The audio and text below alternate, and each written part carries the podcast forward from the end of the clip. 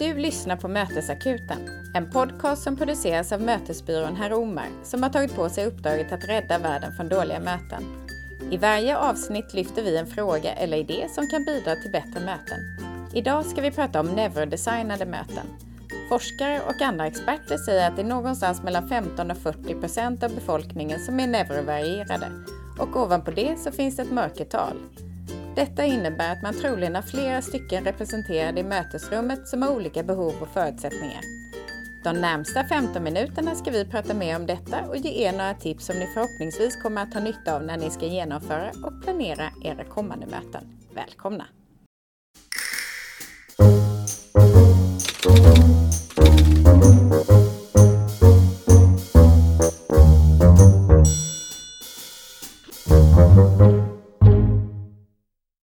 Det finns inte två individer eller hjärnor som fungerar på samma sätt. Alla är vi unika. Därför är det viktigt att vi inte utgår från hur vi själva fungerar och upplever saker. Att man inte själv är normen. Att vara så kallad neurotypisk är inte att vara normal utan innebär bara att man inte upplever samma begränsade svårigheter med intryck, fokusera, läsa och förstå och interagera på samma sätt som neurovarierade kan göra. Som neurovarierad är man inte handikappad. Det handlar istället om att man kan uppleva ett handikapp för situationer där något designas enbart utifrån hur det neurotypiska fungerar. Ja, min bild är att detta är ingenting vi pratar om och att vi har väldigt lite kunskap. Välkomna till Mötesakuten. Jag heter Madeleine Lettman och med mig har jag min kollega Jörgen Disvold. Välkommen Jörgen! Tack! Är det här en bild som du delar med mig? Att vi har väldigt lite kunskap och att vi pratar väldigt lite om det? Ja, vi kommer komma in på det sen. Vi har lite kunskap och vi har ganska mycket idéer och föreställningar. Och eh, framförallt har vi lite kunskap om hur man kan tänka för att göra det bättre med dem som är då neurovarierade som vi kallar det. Mm. Du, du som faktiskt har introducerat mig och oss på Herr Omar om detta ämne och just det här med neurodesignade möten. Hur har ditt intresse uppkommit för det här? Till att börja med så har jag väl alltid under hela livet varit väldigt intresserad av liksom hur vi funkar som människor, hur vår hjärna fungerar och alltid läst väldigt mycket om det och också då tänkt mycket kring hur kan man anpassa möten och event för att göra det bättre. Men sen så blev jag då rekommenderad eh, av en bekant att kolla upp en kvinna som heter Megan Henshaw. Hon jobbar som Global Events Strategist på eh, Google och har hand om koncept och strategiutveckling för deras globala event. Då. Och jag började kolla upp henne och eh, lyssnade på en podd med henne och i den så berättar hon att hon eh, de fick en son som, har, eh, som fick en autismdiagnos. Mm. Och eh, då behövde hon börja lära sig mer om vad innebär det att ha autism och hur kan vi ta hand om våran son på ett bättre sätt. Men sen i samband med det så höll de också på med ett eh, strategiarbete på Google. Och i det så, så, såg de då, så upptäckte de att vi har ju massor av eh, programmerare och andra som jobbar hos oss som också har olika grader av autism. Att man ligger på olika grader på spektrat. Mm. Och då började hon fundera på är det någonting som jag borde tänka på, eller vi borde tänka på när vi arrangerar möten och event då? Att man fungerar på ett annat sätt. Och då började hon intressera sig för det här med eh, neurotypiskt eh, eh och neurovarierad. Och pratar, eh, pratar mycket om det. Och hon har också då hon tog initiativ till att starta något som heter The, The Neo Project. Och som handlar om att ta fram och att sprida kunskap om hur man kan jobba med neurodesignade möten och event. Som vi har börjat göra nu då. Spännande. Du, om du skulle förklara lite mer vad neurovariation betyder för de som lyssnar. Hur skulle, vad skulle du för exempel då? Hur tänker du kring det? Precis, det var ju det här som du var inne på i inledningen. Att när man är då neurovarierad så innebär det att man fungerar på ett annat sätt och kan uppleva svårigheter i till exempel att ta emot intryck, att fokusera, att läsa och förstå, att interagera med andra och Eh, ja, liknande saker. Så några exempel på neurovariation är ju autism som vi har varit inne på, Asperger bland annat. Eh, det är ADHD eller ADD men även eh, en sån sak som dyslexi kommer ju in här. Och det, det, det man har att tänka på är att mycket av det här handlar ju om att man fungerar på ett, ett annat sätt som är eh, ingenting som man riktigt kan kontrollera eller styra över utan det handlar mycket om att kroppens kemi fungerar på ett annat sätt som gör att man då upplever de här eh, svårigheterna. I, och man upplever svårigheter när det är gjort på ett visst sätt men sen så kan det göras på ett annat sätt som gör att man inte längre upplever svårigheter. Det är det vi kommer, eh, det, är det, det handlar om som, som vi kommer in på idag. Det finns ju också väldigt mycket mm, fördomar kring detta. Eh, och det, det brukar du också påpeka att det finns. Och vad menar du med liksom, du tänker, vad är det för fördomar du menar då? Eh, nej men, om man inte har någon i sin närhet som har en, eh, en sån här neuropsykiatrisk funktionsvariation eller neurovarierad då. Så eh, om man har det i sin närhet då har man ju kanske koll på vad innebär det att ha eh, ADHD eller att ha autism eller så. Men har man inte det då kanske man går väldigt mycket på sånt som man har sett i tv och film. Och där handlar det tyvärr alldeles för ofta om att förstärka och ge en konstig bild. Många till exempel tänker på en person med Tourettes som att det är någon som har svårt att hantera sig verbalt och som hela tiden säger fula ord eller svordomar. Men i själva verket så är det i princip aldrig så utan det vanligaste hos en, en person med Tourettes är att man har olika tics för sig som man inte riktigt kan kontrollera. Och en annan sån inom autism är till exempel med, eh, vad heter den nu, filmen med Tom Hanks? Forrest Gump? Precis. Ja. Och man kanske tar till sig då ifrån det man har sett på film och så tror man att det funkar så. Mm. Eller Saga Norén, länskrig Malmö i Bron som har eh, eh, Asperger. Ja, och så det. tror man att ja, men så funkar man när man har Asperger. Du, jag tänkte på när vi skulle spela in det här avsnittet här idag, när vi bestämde att vi skulle göra det, så var det en ganska het diskussion mellan oss också, vad som är normalt och inte normalt och får man peka ut och inte peka ut och så Mm. vidare. Hur tänker du kring det? Varför är det så här så viktigt att prata om? Det ska, bara, ska man inte bara liksom normalisera allting på något sätt? Nej, men det är för att det är en funktionsvariation. Mm. Och att det är en, en funktionsvariation som inte syns utanpå. Mm. Utan det är mycket lättare att ta hänsyn kanske till den som går med en vit käpp och då tänka att den är synskadad. Så att då behöver vi agera på ett annat sätt och kanske hjälpa till att ge plats. Eller den som, som är rullstolsburen, att, den, att där kanske jag behöver fråga om, kan jag hjälpa dig på något sätt? Jag ser att du försöker nå något som står långt upp på en hylla. Men för de här grupperna så är det ju ingenting som syns utanpå utan eh, i, vid första anblicken. Men om jag har lite kunskap om att det finns de här eh, funktionsvariationerna också och hur de kan, vilka uttryck de kan ta och så. Då kanske jag kan i olika situationer se eller förstå att aha, det kanske finns en förklaring till att den här personen eh, fungerar på det här sättet eller har svårt, tycker det är obehagligt med att ta ögonkontakt eller eh, är en person som eh, ofta avbryter, eh, går in och avbryter under möten och så. Att jag kan få en förståelse för att det kan ha en orsak och också lära mig lite tips och tekniker för hur kan jag hantera de här situationerna. För jag tänker det där blir väl också typiskt fallgropar om man utgår från sig själv att man är normen. Precis. Hur tänker du kring det? Jo, nej men det är un- under alla år som jag har jobbat med möten och event också. Man tar upp en sån här enkel sak exempelvis att i pauserna så finns det några som är sociala monster och extroverta och bara de kan inte hålla sig innan de kan få springa ut och ställa sig i centrum och skrika Här är jag! Kom och prata med mig! Eh, Men samtidigt så finns det lika många som är introverta och som tycker att det här kanske är lite mer obehagligt och kanske behöver lite hjälp med att börja prata med någon man inte känner och så vidare. Men när man tar upp det här då med exempelvis en extrovert chef, då får man ofta den, det svaret att ja, men herregud, man ska inte gå på konferens om man nu tycker att det är jobbigt att mingla och börja prata med människor man inte känner. Och att det är en fråga om att anstränga sig. Men eh, just för när det, när det gäller då att va- vara neurovarierad, då handlar det om att det är en funktion, att man fungerar på ett annat sätt. Så det handlar inte om att man inte vill, utan det handlar snarare om att man inte kan. Utan, men däremot som jag var inne på så är det ju Gör man det lite på ett annat sätt som skapar förutsättningar för fler, då kan man helt plötsligt. Mm. Vi nämnde ju lite det här med eh, att du har lärt oss om det här med neurodesignade möten och så vidare. Och vi har tagit in det som tema i Meetfulness också, liksom, alltså att det är en viktig del. Eh, men lite påminns för de som lyssnar då, det här med Meetfulness och hur det funkar. Och...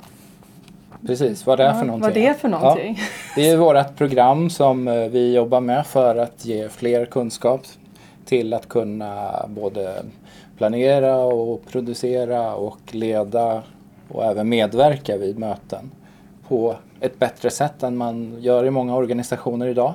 Så att man får en bättre möteskultur och en bättre möteshygien som gör att man då får också en, en bättre kvalitet på mötena och att man, mötena uppnår de effekter som man önskar. Och då är det ett helt program med kartläggning och eh, ett möteskvalitetsindex, olika utbildningar, utbildningsmoduler och liknande. Mm. Och allt det här kan man ju läsa om på heromar.se meetfulness. Mm. Eller heromar.se räcker bra, så hittar man det där. Bra. Och man behöver inte gå hela, kan man, liksom, man kan stycka upp det ja. om man vill också utifrån ens behov eller? Ja, ja. man kan välja att bara börja med mm. ett av stegen och sen efter det se om man vill gå vidare. Jättebra. Du, nu ska ju du faktiskt uh, få delge lite konkreta tips här hur man ska tänka om man vill göra ett mer neurodesignat eller mer neuroanpassat möte.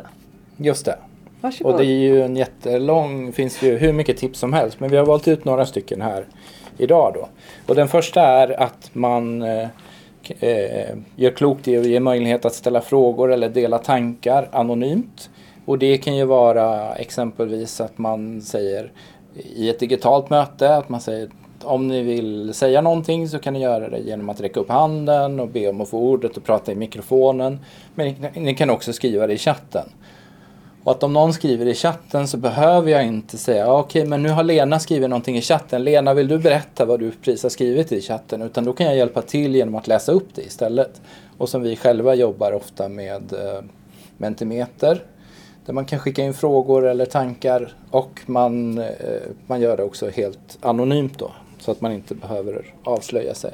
Och det är ju personer exempelvis med eh, autism som har svårt i de här sociala situationerna. För dem kan det vara enormt ångestladdat om att bli outad eller att behöva prata inför grupp till exempel. Tips nummer två, skapa zoner för reflektion och avskildhet. Och där kommer vi in på det här igen, att en person med autism har jättejobbigt i sociala situationer. Så man, det går åt enormt mycket energi dagarna före man ska på en konferens till exempel. Och sen också under konferensen och sen är man helt slut flera dagar efteråt. Och det handlar om att det här batteriet då, med den här mentala energin, att det tar slut. Men eh, man kan ladda det här batteriet genom att få en stund för sig själv där man bara får sitta helt tyst och, och fundera och reflektera. Och där det inte finns krav på prestation och interaktion med andra. Så att då gör man klokt i att skapa den typen av zoner. Och inte då mitt i där alla passerar så att man ska behöva sitta där tyst för sig själv och känna sig konstig och uttittad. Utan lite avskilt på sidan om, kanske med ett bildspel med sköna naturbilder, lite naturljud och en tydlig instruktion om att det här är en yta för reflektion och, och där vi inte pratar med varandra. Sen undvik plötsliga ändringar, ändrade regler eller överraskningsmoment. Särskilt om man ska göra något helt oförberedd. Och då kommer man in på de som har eh, ADD eller ADHD till exempel. Så vill man ha väldigt tydliga regler och rutiner, det är någonting som man mår bra utav. Och man, blir, eh, man mår väldigt dåligt när det händer saker. Eh, när reglerna helt plötsligt ändras mitt i när vi är inne i någonting. Eh, eller att man har sagt att så här ser agendan för dagen ut och sen säger man helt plötsligt att nej men vi kastar om alltihopa. Nu ska vi lägga grupparbetena på förmiddagen istället och föreläsningar på. För Det blir väldigt jobbigt att hantera. Man har svårigheter i att hantera förändringar. Så att det ska man undvika och särskilt att man inte överraskar med någonting sånt som att och nu ska alla ställa sig upp för nu har vi hyrt in en gympaledare som ska hålla ett gympapass.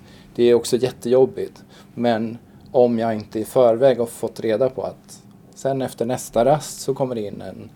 Då har jag hunnit mentalt förbereda mig på det.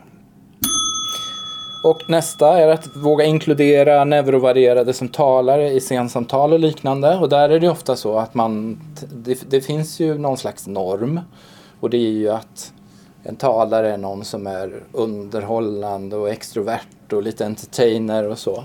Och den som är då neurovarierad, som har någon, eh, någon form av autism eller liknande, eh, kanske inte passar in i den här bilden. Men det är ändå personer som ofta har jättekloka tankar och idéer och kan komma in med helt nya perspektiv. Så att, att inte bara spontant tänka på de första som kommer upp utan och vi har blivit ganska duktiga på att tänka mångfald på scenen när det kommer till kvinnor, män och kanske också med olika åldersgrupper, kulturell bakgrund. Men att vi också kan tänka in det här perspektivet, att även ta in de som kanske inte är naturliga stjärnor och entertainers så.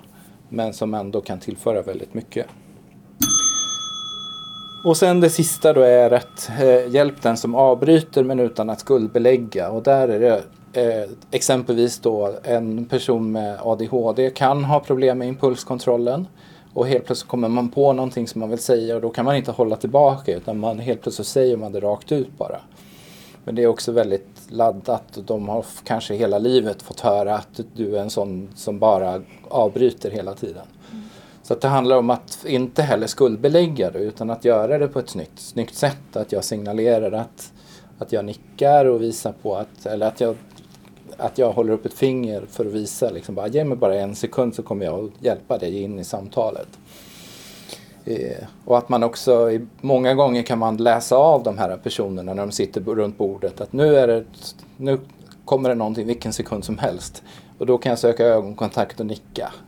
Och visa då att jag har sett dig och eh, jag eh, kommer alldeles strax att släppa in dig i samtalet. Då får man liksom mera dynamik och mindre avbrott och dramatik. Så det var de tipsen som jag hade med här.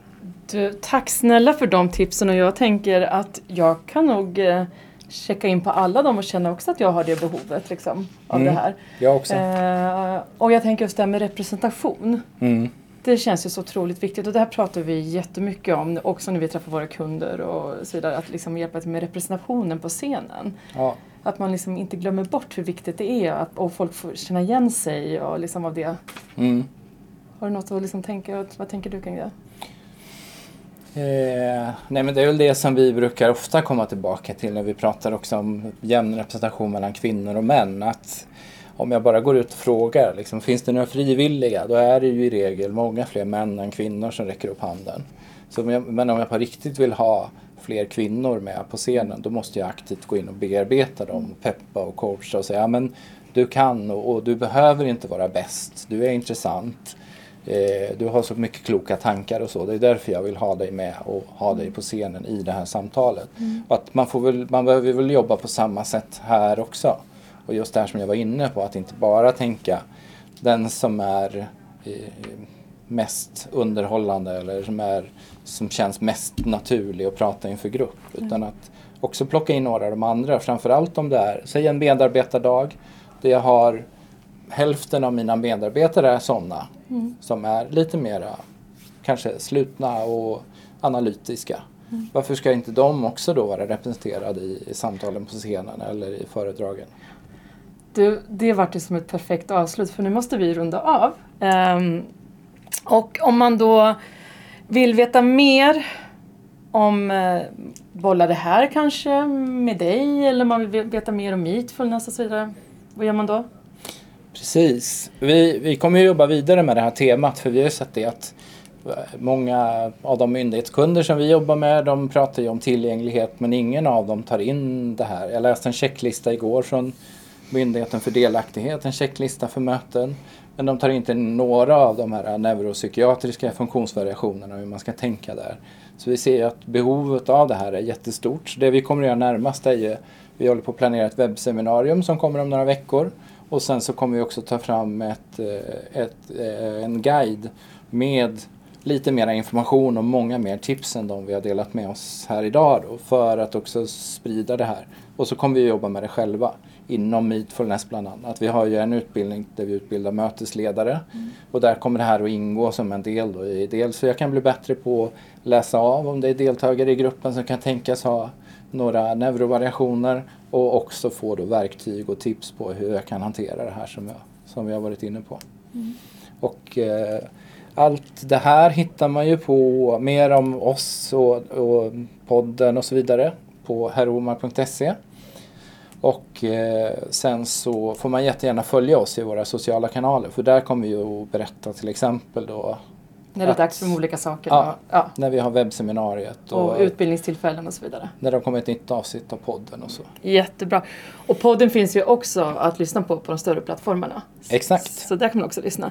Tack Jörgen och tack till alla ni som följer och lyssnar på oss. Så hörs vi igen nästa vecka. Ha en fin dag. Tack!